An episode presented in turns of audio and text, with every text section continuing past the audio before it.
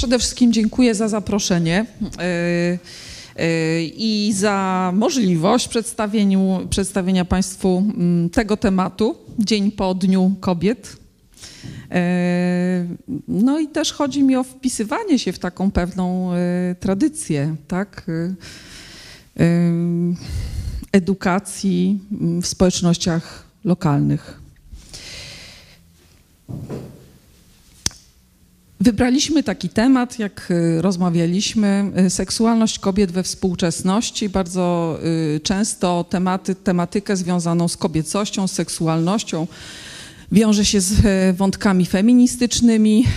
Dzisiaj o, o tych wątkach nie będzie wiele, chociaż anegdotycznie wspomnę, dzisiaj miałam na zajęciach, bo pracuję na co dzień na Wydziale E, rehabilitacji. To były pierwsze zajęcia z rehabilitacji seksualnej, bo jest taki przedmiot.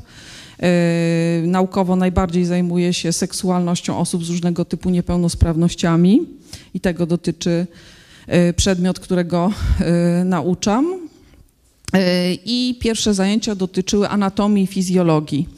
E, kiedy prosiłam studentów, żeby przygotowali się do tego tematu, e, byli bardzo zaskoczeni i właśnie dzisiaj mi powiedzieli, że tyle wątków e, feministycznych się znalazło w temacie, który no, nie kojarzy nam się z, w żaden sposób z ideologią. Ja dzisiaj troszeczkę odkryję tajemnicy, o co chodzi i dlaczego to jest e, tak ważny temat dla kobiet w ogóle, a nie w takim wyimku, jakim jest e, seksualność.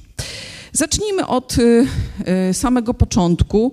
No początki, to wiadomo, no to były bardzo, bardzo, bardzo dawno temu. Ale e, chciałabym powiedzieć parę słów o seksuologii jako nauce. E, seksuologia jako nauka no, powstała w końcu XIX wieku, wiele słynnych postaci. E, I to jest bardzo ważne, że seksuologami byli lekarze, to po pierwsze, e, najczęściej psychiatrzy i najczęściej mężczyźni. Czyli swoje teorie naukowe, to co powinno być obiektywne, tak naprawdę opierali na pewnych przesłankach ideologicznych, które bardzo głęboko tkwiły tak w naszej e, kulturze i tkwią e, po dziś dzień. E, słynny i uznawany seksuolog, jak jest napisane, Richard Kraft Ebbing, przekonywał pod koniec mm, w 1896 roku, tak? No to no, ile minęło lat? 120 dokładnie, to nie jest tak dużo. Przekonywał, że kobiety, które odebrały przykładne wykształcenie fizyczne i umysłowe, z założenia mają niewielkie potrzeby cielesne. No, może od razu przeskakując do współczesności, okazuje się, że jest dokładnie e, odwrotnie, tak? czyli badania wykazują, że e, e wykształce, poziom wykształcenia i niezależności e, jest sprzężony z mm, ekspresją tak? swoich potrzeb seksualnych i one na pewno nie są mniejsze. E, też pewnie nie są większe, tylko są bardziej uświadomione. E, to, co było bardzo ważne, e, to było to, że przy takim założeniu uznawano, że kobiety odczuwające rozkosz, przeżywające orgazm są w jakimś sensie opętane, są w jakimś sensie mm, cierpiące psychicznie. I wszystko, co się wiązało z napięciem seksualnym, z okazywaniem potrzeb seksualnych przez kobiety, e, podlegało kontroli, a nawet leczeniu. No i tutaj ciekawostki. E, nie wiem, czy Państwo wiedzą, że e, Helena Rubinstein mm, była jedną z pierwszych kobiet, która zalecała no różne zabiegi, no z tego jest znana, tak? E, pielęgnacyjne, ale ona w swoim gabinecie kosmetycznym, pielęgnacyjnym zalecała używanie wibratorów. I jedną z e, usług dla wysoko postawionych, zamożnych, e, wykształconych kobiet był masaż o tym charakterze. No, w dzisiejszych czasach no, wydawałoby nam się to nieprawdopodobne. Dlaczego to było prawdopodobne? Właśnie dlatego, że seksuolodzy uznali, że rozładowanie napięcia seksualnego bardzo dobrze działa na psychikę kobiety, tak? Czyli kojarzono to ze zjawiskiem, które określano jako histerię, tak? Możemy y, szukać źródeł w zamierzchłych czasach, tak, kiedy się mówiło o histerii macicy i tak dalej, i tak dalej. Y, I no, pod koniec tak, XIX wieku ślady tak, tego sposobu myślenia były w medycynie, w seksuologii bardzo widoczne. Nie wiem, czy Państwo oglądali film Romantyczna historia wibratora. Bardzo, e, bardzo polecam, który jest oparty na faktach i rzeczywiście przedstawia proces leczenia kobiet e, przez ginekologów za pomocą właśnie tego rodzaju masażu z użyciem różnych urządzeń. Czyli nie zalecano masturbacji, że tak powiem, samodzielnej, ale właśnie wykonywanej przez specjalistów, najczęściej lekarzy. E, to jest taka ciekawostka, to się działo naprawdę. E, I takie, takie było podejście do seksualności kobiecej. Ja celowo podaję ten przykład, ponieważ jest to swoisty paradoks, tak? No bo dzisiaj po dziś dzień, tak, masturbacja może nam się kojarzyć z zachowaniem bardzo y, intymnym, dla niektórych kontrowersyjnym, y, y, a tutaj było zachowaniem, mm, było zaleceniem medycznym. I można by było to tak kojarzyć z pewnego rodzaju otwartością, ale nic wręcz przeciwnie, było zupełnie inaczej, to znaczy założenie E, było bardzo, e, wynikało z bardzo negatywnego podejścia do samej kategorii pożądania kobiecego. O, tak wyglądało to urządzenie. E, czyli to są właśnie pierwsze lecznicze, lecznicze wibratory. No, kolejnym słynnym tak, seksuologiem, który stworzył zręby myślenia takiego naukowego o seksualności kobiecej, oczywiście był Freud.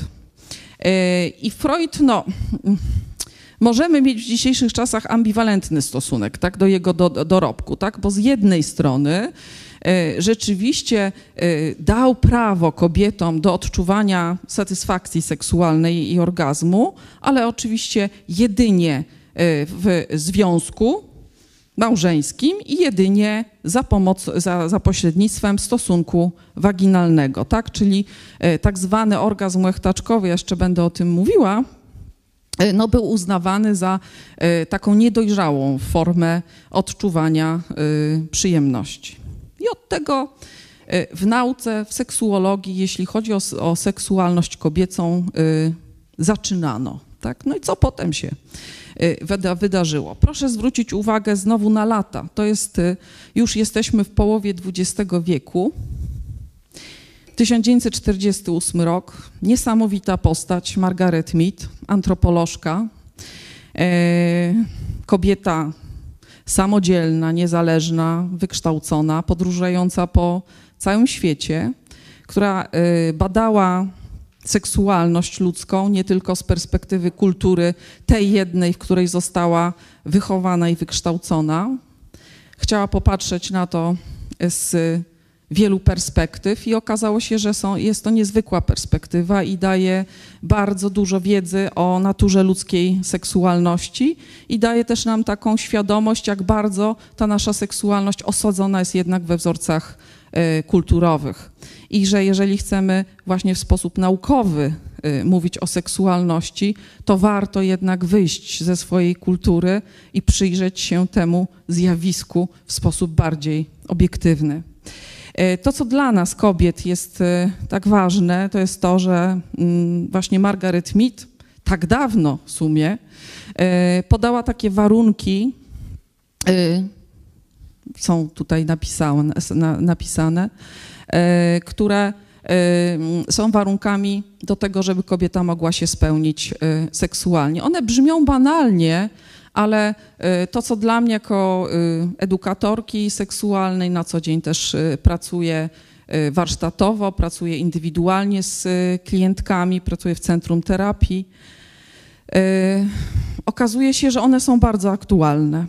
Mm, Po pierwsze, kobieta musi żyć w kulturze, która uznaje kobiecy popęd, kobiece pożądanie za y, wartościowe. No to jest na cały oddzielny wykład, dyskusję, tak? Czy żyjemy w takiej kulturze, czy już e, doży, dożyłyśmy takich czasów, że nasze potrzeby seksualne są e, respektowane, są szanowane, są pozytywnie traktowane, czy umiemy Y, taki stosunek do seksualności jako babki, jako matki przekazywać swoim córkom.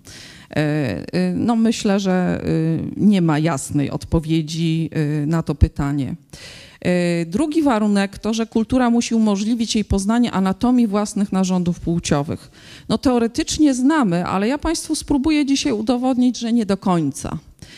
Chociażby Przykładem jest, są dzisiejsze zajęcia, które prowadziłam ze studentami na piątym roku, e, gdzie e, sami studenci przez, e, poprzez lektury, które im poleciłam, odkrywają, że kobieta jest inaczej zbudowana niż uczą się w obecnie aktualnych akademickich podręcznikach anatomii.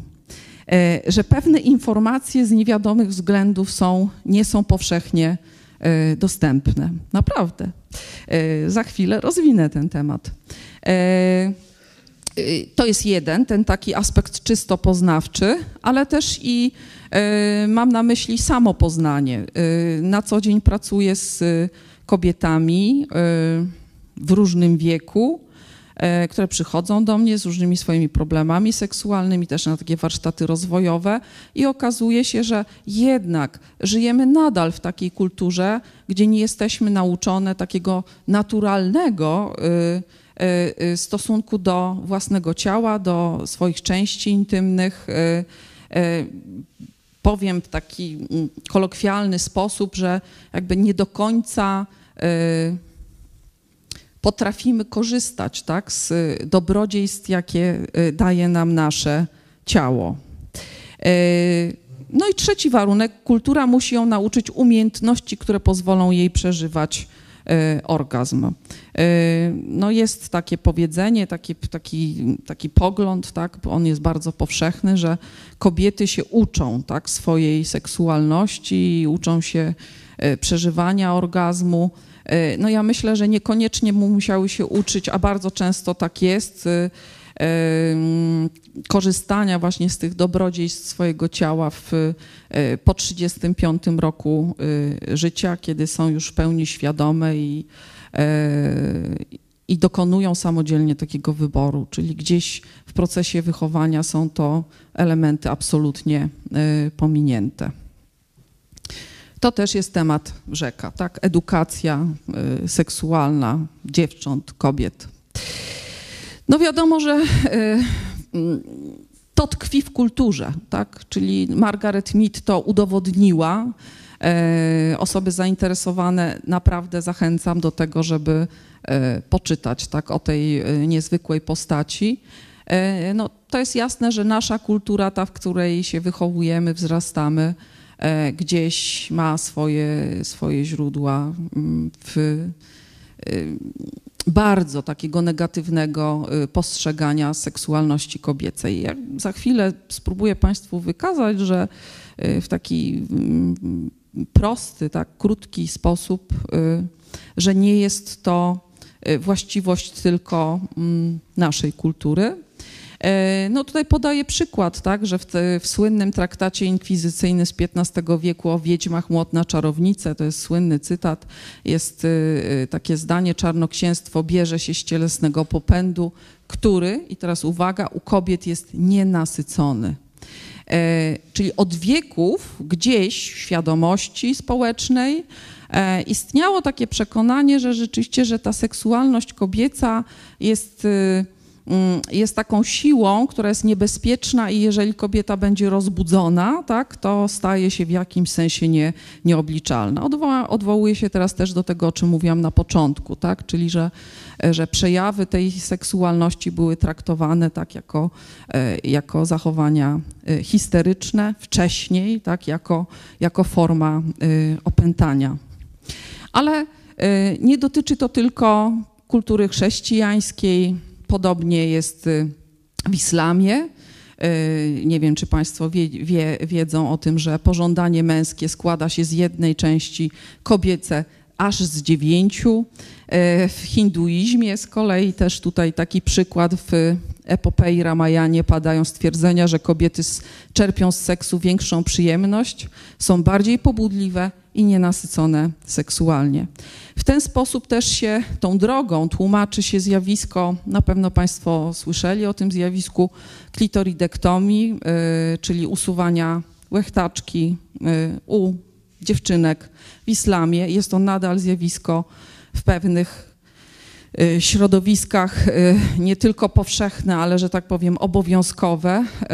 I mając tą wiedzę, o której mówię, możemy rozumieć, dlaczego ten zabieg jest wymagany. Przy założeniu, że właśnie seksualność kobiety jest potężna, pozbawia się tak, ją podstawowego organu, które, który daje jej przyjemność tak, z życia E, seksualnego, czyli wyklucza się ją z tego tak naprawdę obszaru. Jest to forma kontroli seksualności kobiecej. Niestety w dzisiejszych czasach jest to dosyć zjawisko powszechne. Wiele organizacji e, w naszym kraju, no nie mamy wiele, wielu, e, wielu wyznawców mm, ortodoksyjnych tak, islamu, Y, ale są takie kraje, na przykład Francja, gdzie ruchy kobiece są bardzo silne i walczą tak z tym, z tym zjawiskiem okaleczania tak, dziewczynek.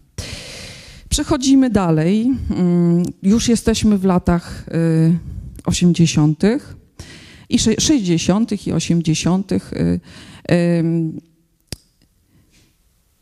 Niesamowity jest serial Y, z, y, o właśnie Masters i Johnson. To była taka para y, bardzo odważnych naukowców, którzy w warunkach laboratoryjnych bardzo na chłodno i bardzo obiektywnie płacili ochotnikom i za pomocą aparatury badali fizjologię seksu. I oni byli E, pierwsi i dokładnie opisali, co się dzieje z ciałem kobiety, co się dzieje z ciałem mężczyzny.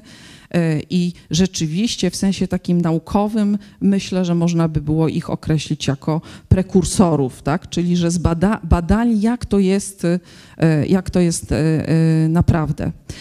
W tych samych latach mniej więcej działał Alfred Kinsey. Nie wiem, czy tak Państwo kojarzą. Słynny badacz, też jest bardzo interesujący film o jego życiu, który z kolei przebadał kilka tysięcy mężczyzn i kobiet w Ameryce ich zachowania seksualne i okazało się, że wyłonił się obraz kompletnie inny niż sobie ludzie y, wyobrażali.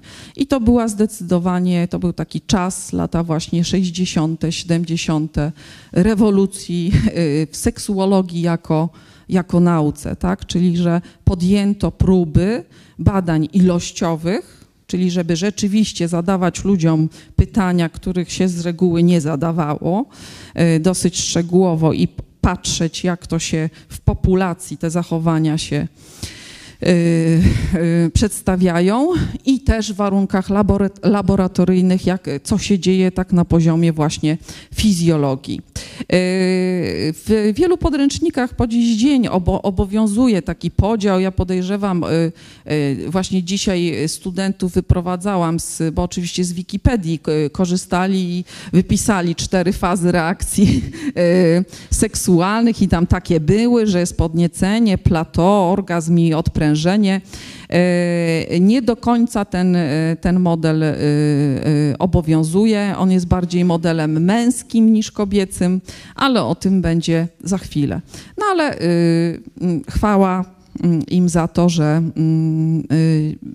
że opisali tak, to, to, to zjawisko, co jest jasne, bardzo też wpłynęło na leczenie zaburzeń seksualnych i na wymyślanie, tworzenie y, różnych form terapii, tak? czyli ustrukturalizowanego oddziaływania, tak? Y, y, skoncentrowanego na regulacji zachowań seksualnych. W 1979 roku Helen Kaplan opracowała model trójfazowy, czyli to jest inna propozycja teoretyczna, gdzie wyróżniła pożądanie, podniecenie i orgazm obejmujący również odprężenie. Lata 80. bardzo ciekawe, czyli tak jak powiedziałam wcześniej, to były lata 60., no i potem kolejna rewolucja to były lata 80. E, pojawiła się kategoria płynnej seksualności i nie tylko płynnej seksualności, a może troszkę wyprzedzę slajd, który się e, pokaże za chwilę. E, też była taka mm, mm, kobieta, tak naukowiec Sandra Bem, która stworzyła dwubiegunową teorię męskości i kobiecości czyli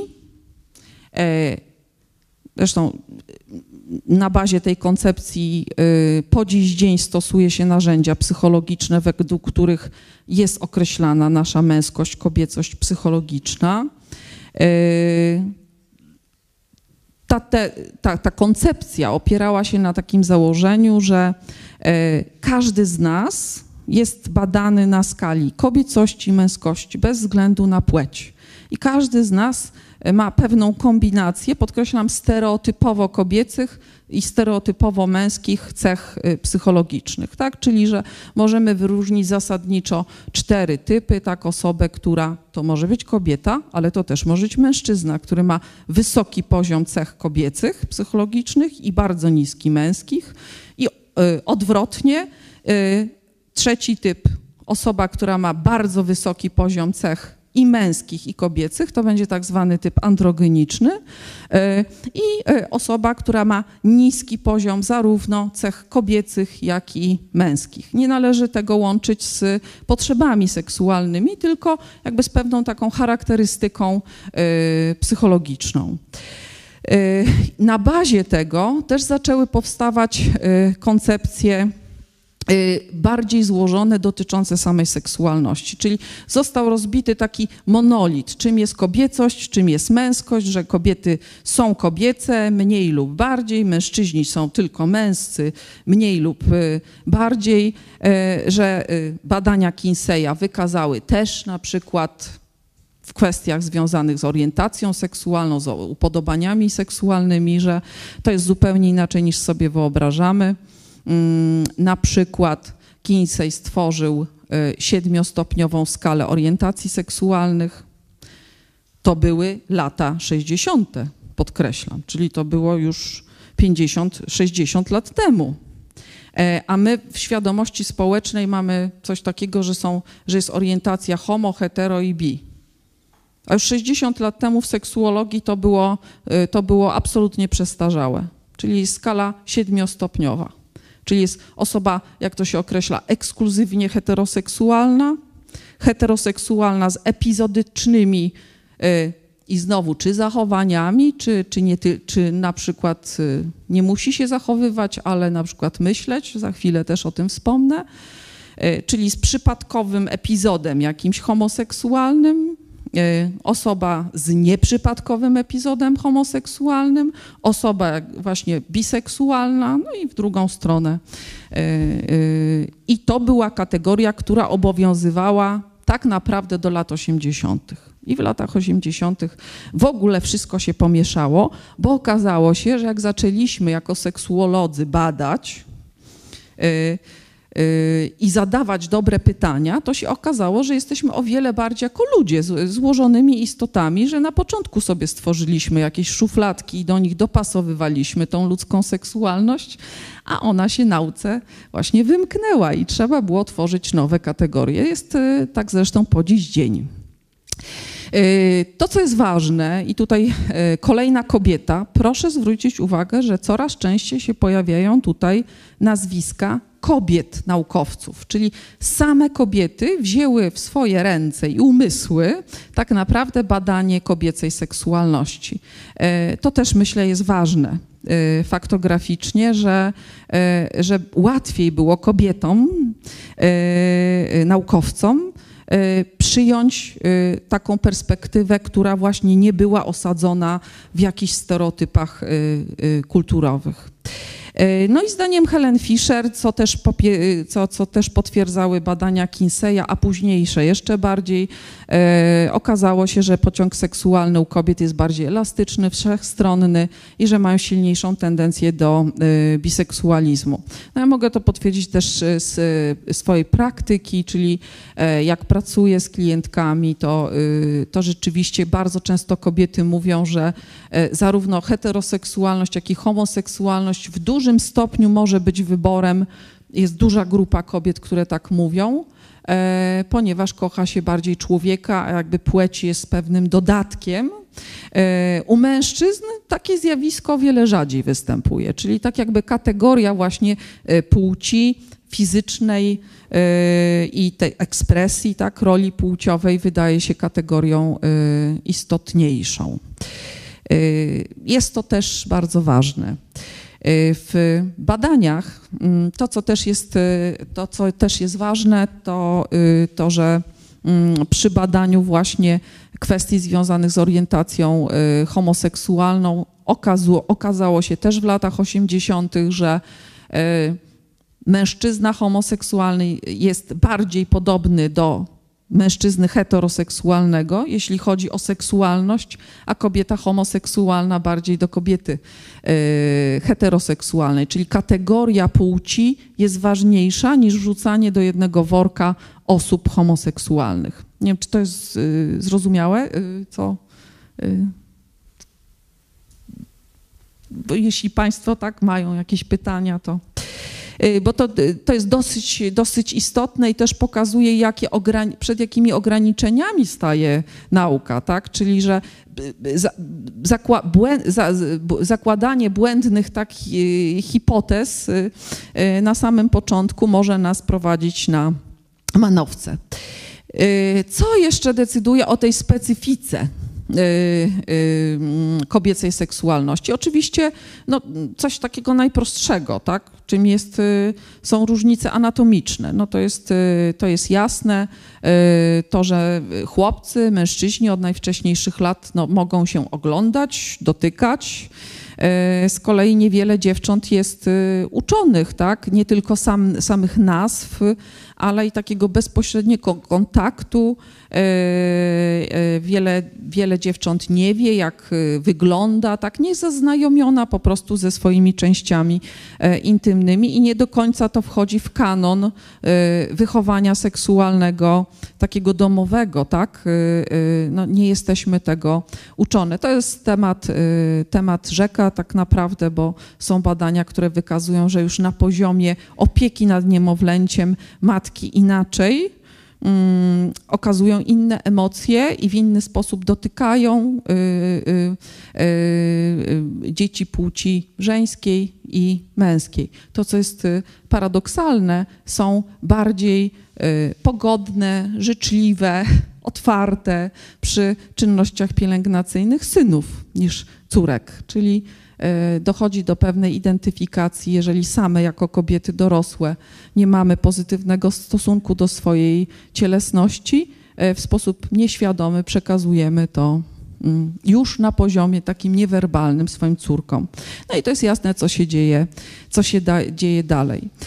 E, kolejną różnicą, która wpływa tak, na, na to, że można mówić o, o, o pewnej specyfice kobiecej seksualności, to oczywiście jest trening ról społecznych. Tak? Dziewczęta są uczone tego, żeby były e, grzeczne, czyste, e, delikatne, w zachowaniach erotycznych pasywne i uległe. Chłopcy są uczeni mm, no, o wiele większej ofensywności i dawana jest im chociażby taka większa swoboda tak? no, w podejmowaniu decyzji, w rywalizacji, co też w konsekwencji w życiu dorosłym wiąże się, zawsze bronię mężczyzn, to też nie jest taki trening, który daje tylko wolność, ale też daje olbrzymią odpowiedzialność, tak? Czyli, że mężczyźni bardzo często jako osoby dorosłe y, muszą się mierzyć z taką frustracją związaną z tym, że są bardziej odpowiedzialni za jakość życia seksualnego, że jakby na nich to w większym stopniu y, spada. Z kolei u kobiet ekspresja seksualna jest o wiele bardziej ograniczona i też taka samoświadomość, jakby badanie siebie, obserwowanie siebie, nazywanie tak pewnych y, procesów, zjawisk y, po imieniu. No jeżeli chodzi, też się różnimy bardzo w takim obszarze, jakim jest poczucie własnej wartości. I tutaj no, są setki badań na ten temat, które pokazują, że u kobiet y, kategoria otwartości seksualnej, właśnie samoświadomości bardzo jest sprzężona z y, poczuciem y, samoakceptacji, w tym też atrakcyjności fizycznej oraz bycia kochaną.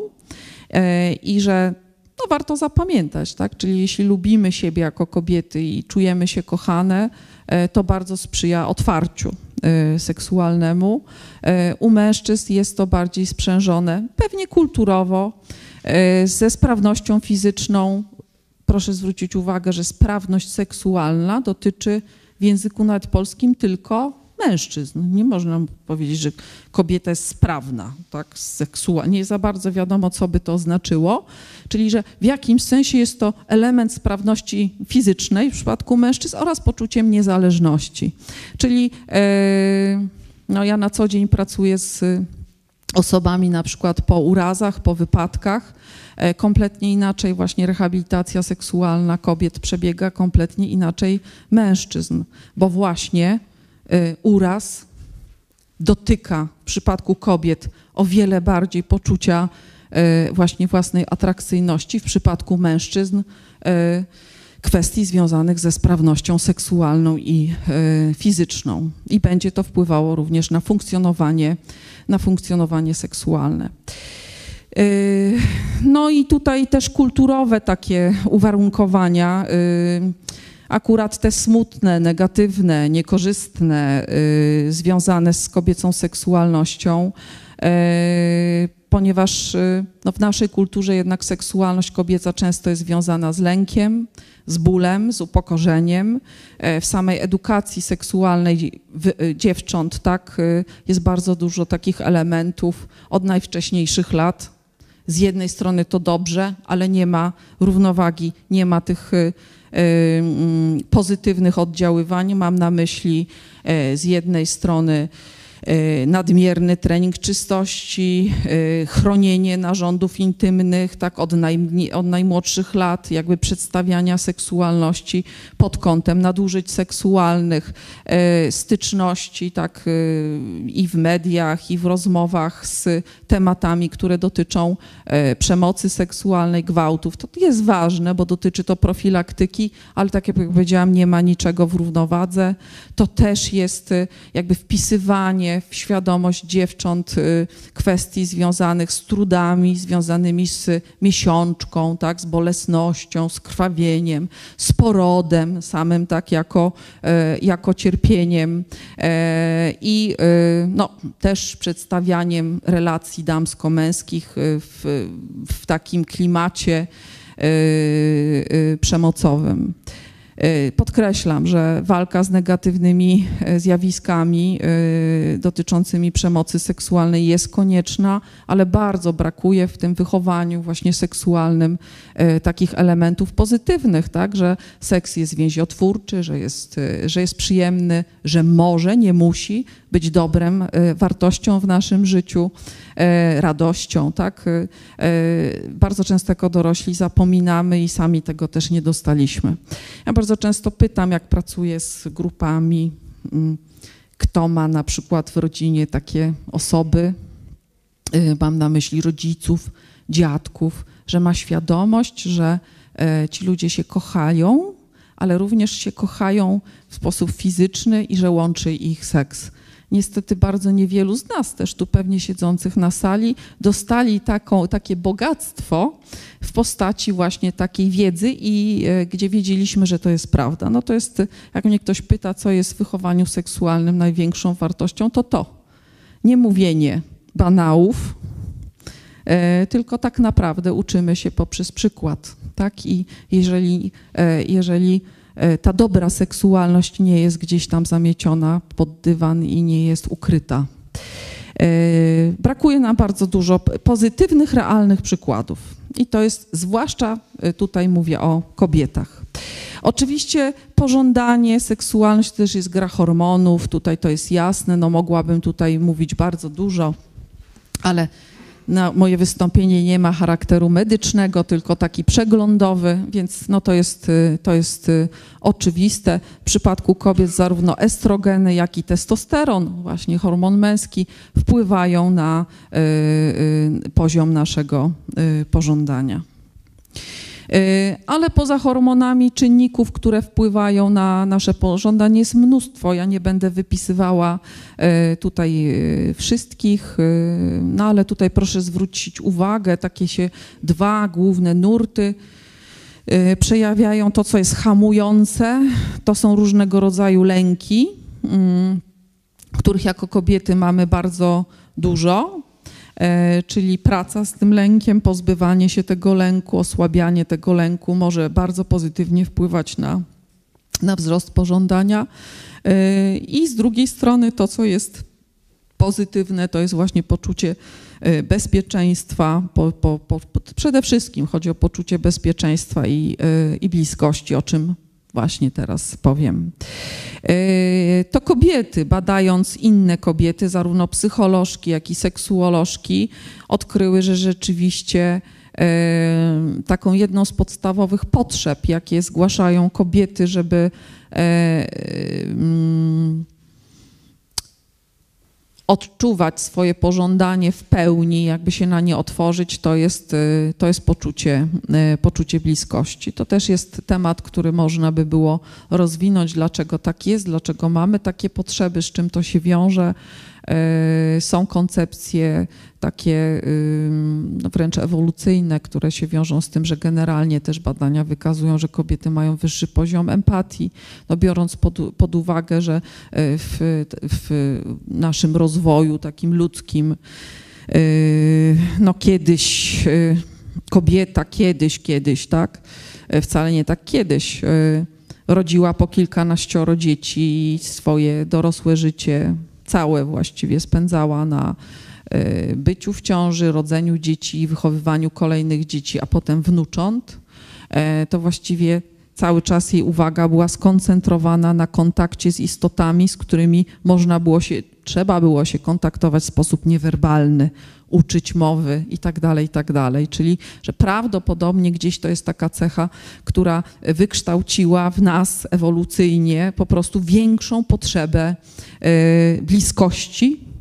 E, e, no, jest to związane bezpośrednio z, z macierzyństwem.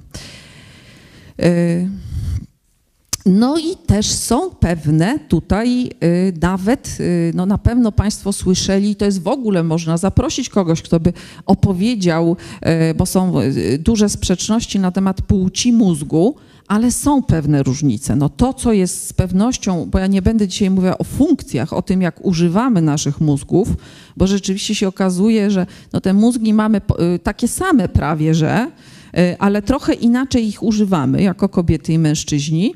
I tutaj główną taką, e, taką e, anatomiczną różnicą jest spoidło wielkie, czyli taki, taka część, która jest połącz, łączy półkulę prawą z półkulą lewą. I to spoidło u kobiet jest większe. I to, co ciekawe, u mężczyzn maleje z wiekiem, czyli to, co e, też potwierdzają inne badania, że e, u mężczyzn występuje o wiele częściej taka specjalizacja tak, e, mm, w rozwijaniu różnych umiejętności korzystania tak, z własnych zdolności. U kobiet o wiele częściej tak wykorzystywane są obydwie półkule. No, czytałam takie ciekawe badania dotyczące ośrodków mowy, że zasadniczo zasadniczo, tak, lokuje się w, y, ośrodki odpowiedzialne za w jednej półkuli, ale u kobiet po wypadkach okazało się, że, które to, że kobiety, które teoretycznie nie powinny mówić, mówiły. Czyli się okazuje, że mają też w drugiej półkuli jakieś ośrodki, które są odpowiedzialne za, y, za mowę. Tych ciekawostek takich neurologicznych jest mnóstwo i to jest też fascynujący E, temat. Myślę, że warto by było jakiś wykład na ten temat też e, zrobić. E, kolejną różnicą, wynikającą też no, prawdopodobnie z, z naszej anatomii, jest inne odczuwanie przyjemności. Ja bardzo nie lubię takiego wartościowa, wartościowania, tak? czyli że coś jest lepsze, coś jest gorsze, jest naprawdę inne. E, no ale my jako kobiety nie mamy gratyfikacji seksualnej w postaci orgazmu, jaką, takiej, jaką mają mężczyźni. Przeciętnie chłopak ma pierwszy wytrysk nasienia, w Polsce to jest mniej więcej 14 rok życia. Z, wy, z, od, z, wytryskiem połączone jest odczucie orgazmu. Tak? Stymulacja też jest bardzo prosta. Czyli człowiek płci męskiej podlega trochę innemu treningowi. Tak? E, kobiety przez to, że no, jesteśmy inaczej zbudowane, inaczej działamy też. E, myślę tutaj o fizjologii seksu. E, być może dlatego dla wielu kobiet równie wartościowe są pieszczoty i przyjemność zmysłowa, jak orgazm. To też jest bardzo ważne, ponieważ y, wywołało to trzecią rewolucję y, w 2011 roku, czyli bardzo niedawno temu. Y, za chwilę do tego dojdziemy. Mówiłam o bliskości. W seksuologii też e, no, określa się bardzo często takim słowem e, związanym z opisem seksualności kobiecej jest intymność, tak? Czyli że stworzenie właśnie takich warunków, które są intymne, jakby pozwalają kobiecie na, na pełną otwartość seksualną. Nie należy intymności mylić z miłością, tak? I to też jest na zupełnie inne wystąpienie. Yy, intymność intymnością, bliskość bliskością, ale też yy, w świecie z kolei psychoterapii, bardzo często opisywanym zjawiskiem, ważnym, i tutaj to podaję już tylko jako ciekawostkę, bo jest to problem dręczący bardzo wielu ludzi, mam na myśli pary, jest tak zwana fuzja. Czyli, że bliskość jest ok, ale bez przesady.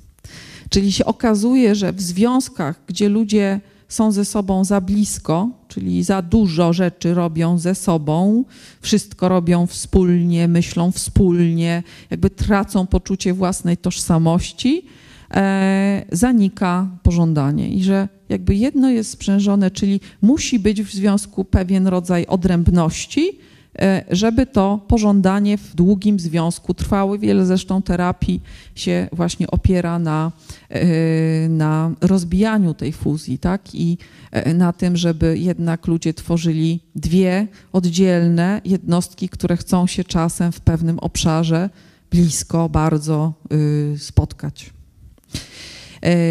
I to też jest taka seksuologiczna, współczesna prawda i rzeczywiście no, to wynika z badań par, e, jak e, ta dynamika seksualna się w długotrwających związkach rozwija, tak? czyli w jakich związkach to pożądanie nie zanika, w jakich, jakich zanika. No oczywiście poza związkami, tak, gdzie ludzie się od siebie no, całkiem oddalają, no, to jest sprawa oczywista. No i teraz dochodzimy, ja mówiłam już o wymiarach płci psychologicznej Sandry Bem. E, pamiętają Państwo, tak? czyli że każdy z nas jest, e, e, no, no, może być tak, nazwijmy, o, oceniany, tak opisywany w wymiarze kobiecości i męskości. Podobnie się stało z opisem też w latach 80. i późniejszych, jeżeli chodzi o orientację seksualną. Już skala Kinseya nie wystarczyła, no bo słusznie okazało się, i tutaj badania kobiet znowu namieszały, homoseksualnych. E, sama badałam w, na początku lat 90. kobiety homoseksualnej, też absolutnie to wyszło. Y, że bardzo ważne jest rozróżnienie komponentu instrumentalnego, czyli zachowań seksualnych i emocjonalnego. Tak? Czyli e, czym, to jest jeden obszar, o kim marzymy, o kim fantazjujemy, kogo kochamy, a inny obszar, z kim się dotykamy, z kim mamy relację seksualną. E, I w przypadku osób homoseksualnych e, występowały te dysproporcje i e, rzeczywiście orientację seksualną się opisuje w ten sposób i jednak uznaje się i mm, jako preferencję emocjonalną, tak? Czyli, że osobą homoseksualną jest osoba, która się zakochuje, która pożąda, zakochuje się w osobach tej samej płci i ten, e, ten rodzaj zaangażowania chce realizować tak w wymiarze instrumentalnym. Powstało rozróżnienie pomiędzy homoseksualnością, a zachowaniami homoseksualnymi, czy tak, czyli tak zwanym homoseksualizmem. Tak? E, współcześnie nie mówimy o osobach zorientowanych homoseksualnie, homoseksualiści. Tak? E, e, są to osoby zorientowane homoseksualnie albo wręcz, no, przyjechałam ze spotkania z, dzisiaj nad ranem, Wczoraj, y, wczoraj wieczorem miałam spotkanie dla kobiet nieheteronormatywnych, tak? czyli jest to szerszy zakres tak? kobiet, które po prostu nie przyjmują heteroseksualności jako jakby jedynego, y, jednej formy opisu tak? własnej y, seksualności. To nie będą tylko lesbijki. Tak? Lesbijka to jest osoba, która ma pełną tożsamość tak? homoseksualną za, tak się czuje i za taką się y, uważa. Bardzo ciekawe były też lata 90. W latach 90. bardzo rozwinęły się nauki społeczne, jeżeli chodzi o seksuologię. E, powstała teoria queer, e, powstały o, e, pojęcie, no, potwór gender, ale, ale rzeczywiście bardzo dużo interesujących badań dotyczyło właśnie kwestii związanych z bo wyjaśnię tak, gender. To płeć kulturowa, e, która e, no, przejawia się w, w, przede wszystkim w rolach tak, płciowych. E, i no, zmieniło to kompletnie i sposób opisu seksualności, ale też i badania tej seksualności. No i tutaj też proszę zwrócić uwagę na datę czyli to jest 20 lat temu zaledwie. E, znowu kobieta, chirurg, urolog Helen O'Connell, odkryła, że łechtaczka jest 10 razy większa niż uważano do tej pory. E, ja myślę, że najbardziej zadziwiająca jest ta data, że nikt wcześniej się tym nie zajmował i nikogo to nie obchodziło, czyli badano narządy rodne kobiety, tak? czyli badano anatomię kobiecą pod kątem posiadania dzieci, zdrowia reprodukcyjnego, a nie seksualnego. I dopiero przy zmianie świadomości zadano sobie odpowiednie pytania i zaczęto badać, badać właśnie naukowo, też anatomicznie, jak tak naprawdę jesteśmy zbudowane i jak to wszystko działa.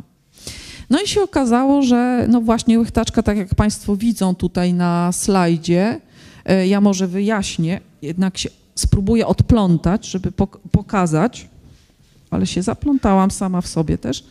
E, to, co widzimy, to jest tylko ta część, czyli jest to żołądź łechtaczki. Reszta znajduje się wewnątrz. To jest pochwa, to jest ujście cewki moczowej, czyli e, te ramiona łechtaczki okalają od wewnątrz, tak, ujście cewki moczowej i pochwę. E, no myślę, że analogia jest tutaj bardzo, że tak powiem, widoczna, o co tutaj chodzi, że jest to anatomicznie i rzeczywiście e, w rozwoju płodu to jest widoczne, że nasze narządy płciowe rozwijają się z tych samych zawiązków i to obecność testosteronu w drugim miesiącu rozwoju między drugim a trzecim powoduje, że narządy się rozwijają w kierunku męskim. Brak testosteronu powoduje, że e, narządy rozwijają się w kierunku żeńskim. Czyli no, zawiązki są, są te same.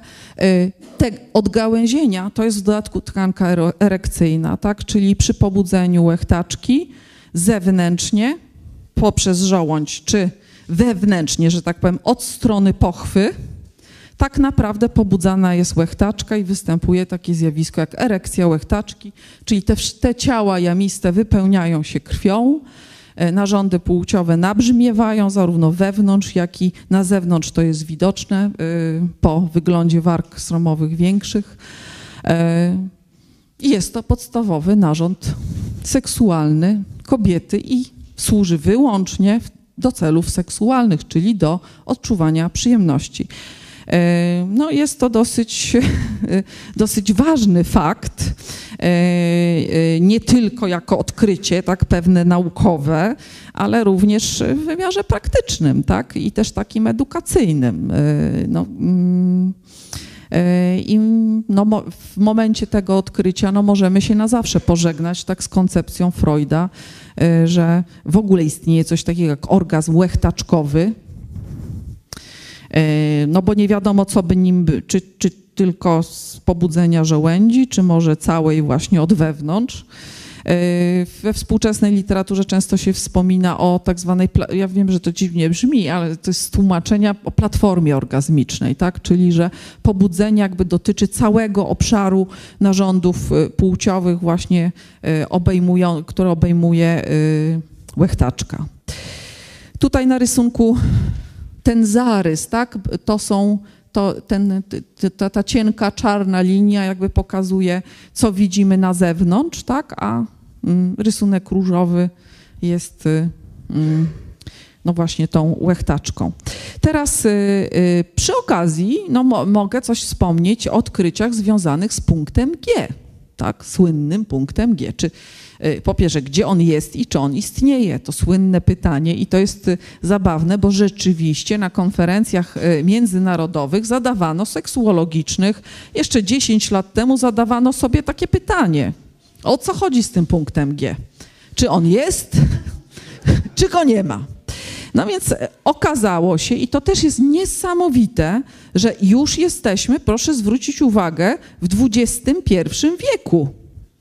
A my się dowiadujemy takich rzeczy, że to jest tak naprawdę system y, naczyń y, połączonych i nie ma punktu G, jest przestrzeń pewna i jeżeli łechtaczka jest nabrzmiała, to jakby uciska przednią część pochwy i ona nabrzmiewa jest bardziej wystająca, czyli y, jest bardziej, to jest takie miejsce, które jest bardziej wrażliwe na tarcie tak? To jest też taka struktura, jakby inna, jest troszeczkę taka bardziej chropowata tkanka, tak? I ona jest bardziej wrażliwa na stymulację.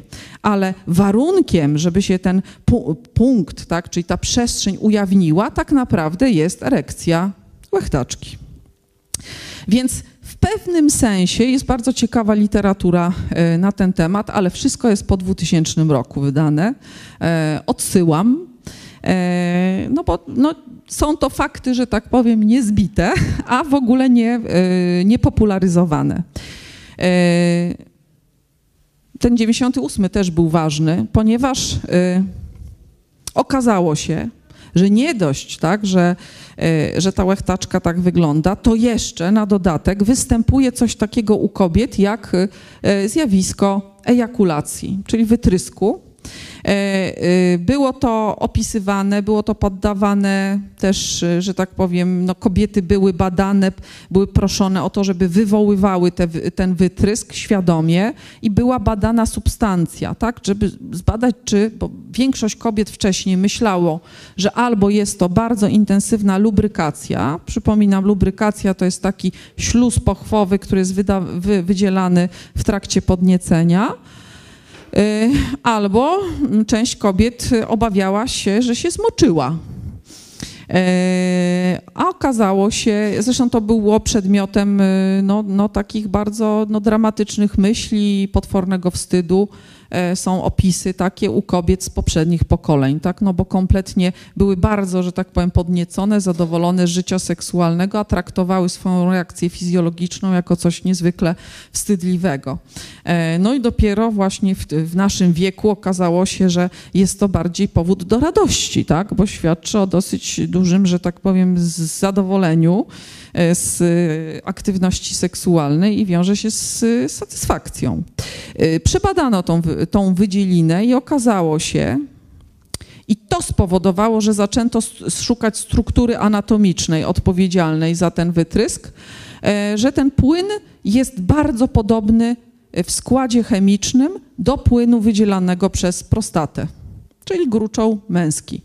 No i się okazało, że rzeczywiście, znowu anatomicznie szukając, kobiety w okolicach ujścia cewki moczowej, mają tak zwane gruczoły skenego, to już są tam szczegóły takie anatomiczne i że rzeczywiście posiadają coś takiego jak ten e, gruczoł krokowy u mężczyzn, tylko jest to organ taki bardziej rozproszony i u różnych kobiet różnie wygląda, ale te, te gruczoły rzeczywiście każda kobieta y, posiada. To też jest y, no, bardzo ciekawe z perspektywy takiej y, no, czysto poznawczej, ale też i pod kątem terapii samej seksualnej, budowania świadomości ciała.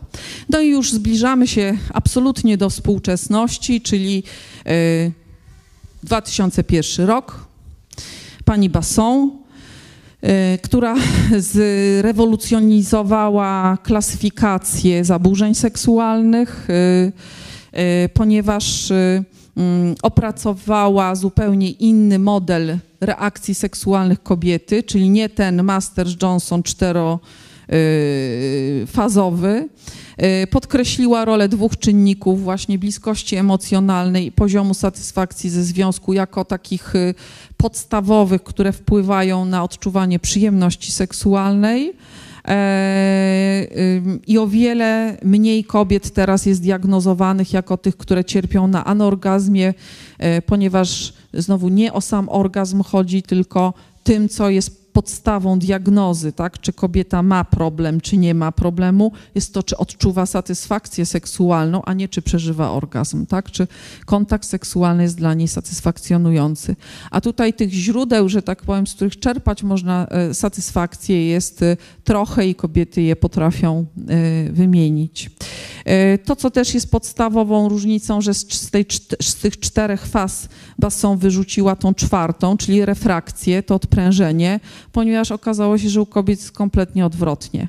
Czyli, że y, y, osiągnięcie orgazmu powoduje bardzo często natężenie y, pożądania, podniecenia i dążenie do kolejnego orgazmu. I że to jest bardzo charakterystyczne dla cyklu reakcji seksualnej kobiety. I w tym sensie wracam do tego, co mówiono w zamierzchłych czasach, że w jakimś sensie apetyt seksualny jest y, kobiecy, jest nienasycony i że rzeczywiście coś, coś, coś w tym jest, że, y, że to, to, to, to rozbudzenie u kobiety seksualnej nie opiera się na takim właśnie gwałtownym, tak jak u mężczyzn, to jest uwarunkowane zresztą hormonalnie, wygaśnięciu.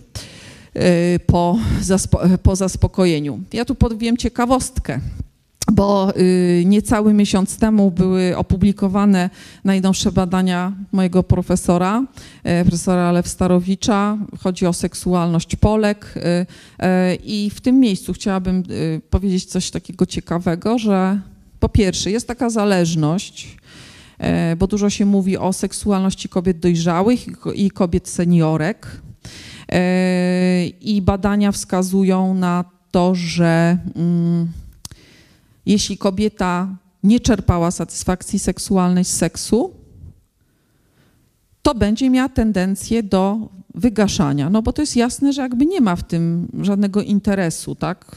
Nie, że, że tak powiem, upływające lata są powodem do tego, żeby z tej sfery się wycofywać. E, zupełnie inna sytuacja dotyczy kobiet, które były zadowolone z seksu i tutaj no, można o tym mówić na, na, na wesoło i na smutno, tak powiem kolokwialnie, tak? czyli że z jednej strony to dobrze, z drugiej strony kobiety mają duże problemy z realizacją tak, swoich potrzeb seksualnych. E, największy kryzys, to co z tych badań wyszło, to co jest ciekawe i pokazuje uwarunkowanie kulturowe, jest między 50 a 60 rokiem życia. Czyli e, to jest taki wiek, kiedy kobieta sobie jakby odmawia prawa do seksualności, wpisuje się w rolę.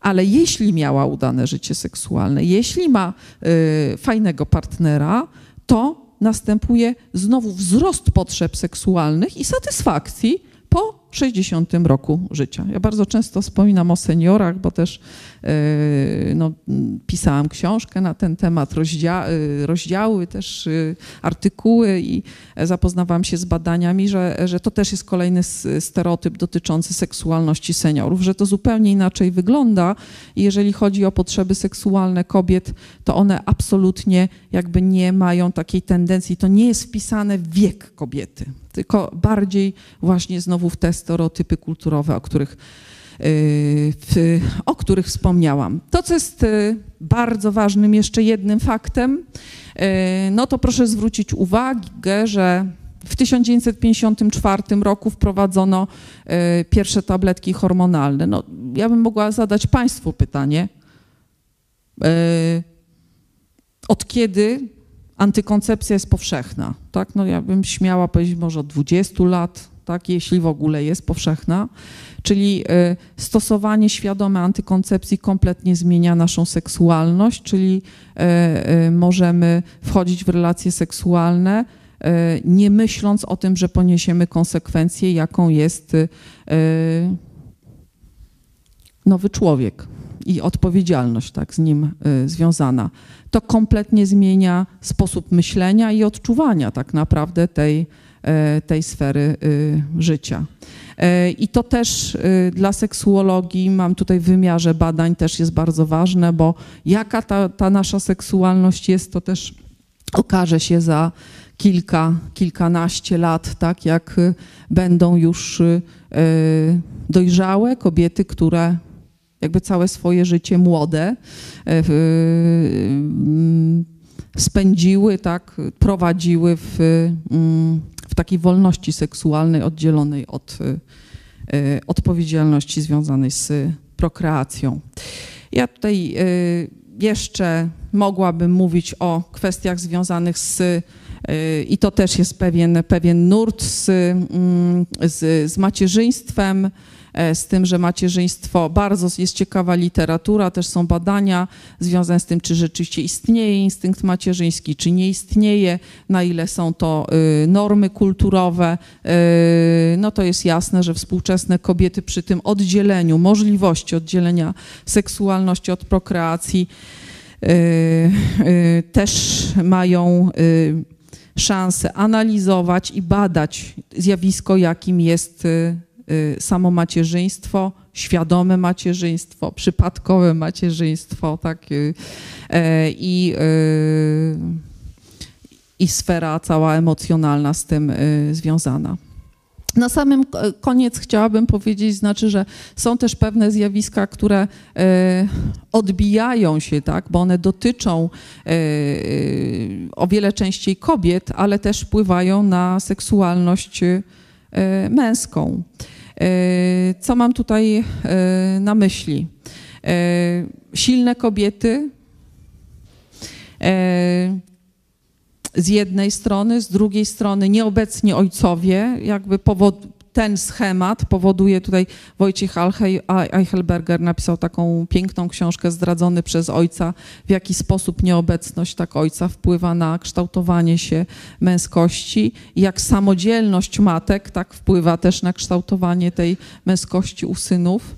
E, no, przeżywamy coś w rodzaju kryzysu męskości, no to są, to są oczywist, oczywistości, ale tak jak powiedziałam, te wzorce związane też z, z kobiecością przenikają świat męski, chociażby związane z wyglądem. Ja tutaj wybrałam tylko parę przykładów. E, zaburzenia jedzenia zaczynają być, jeżeli chodzi o wyniki, zbliżone do kobiet. W ciągu ostatnich 30 lat nastąpił trzykrotny wzrost niezadowolenia z ciała u mężczyzn, a dwukrotnie u kobiet.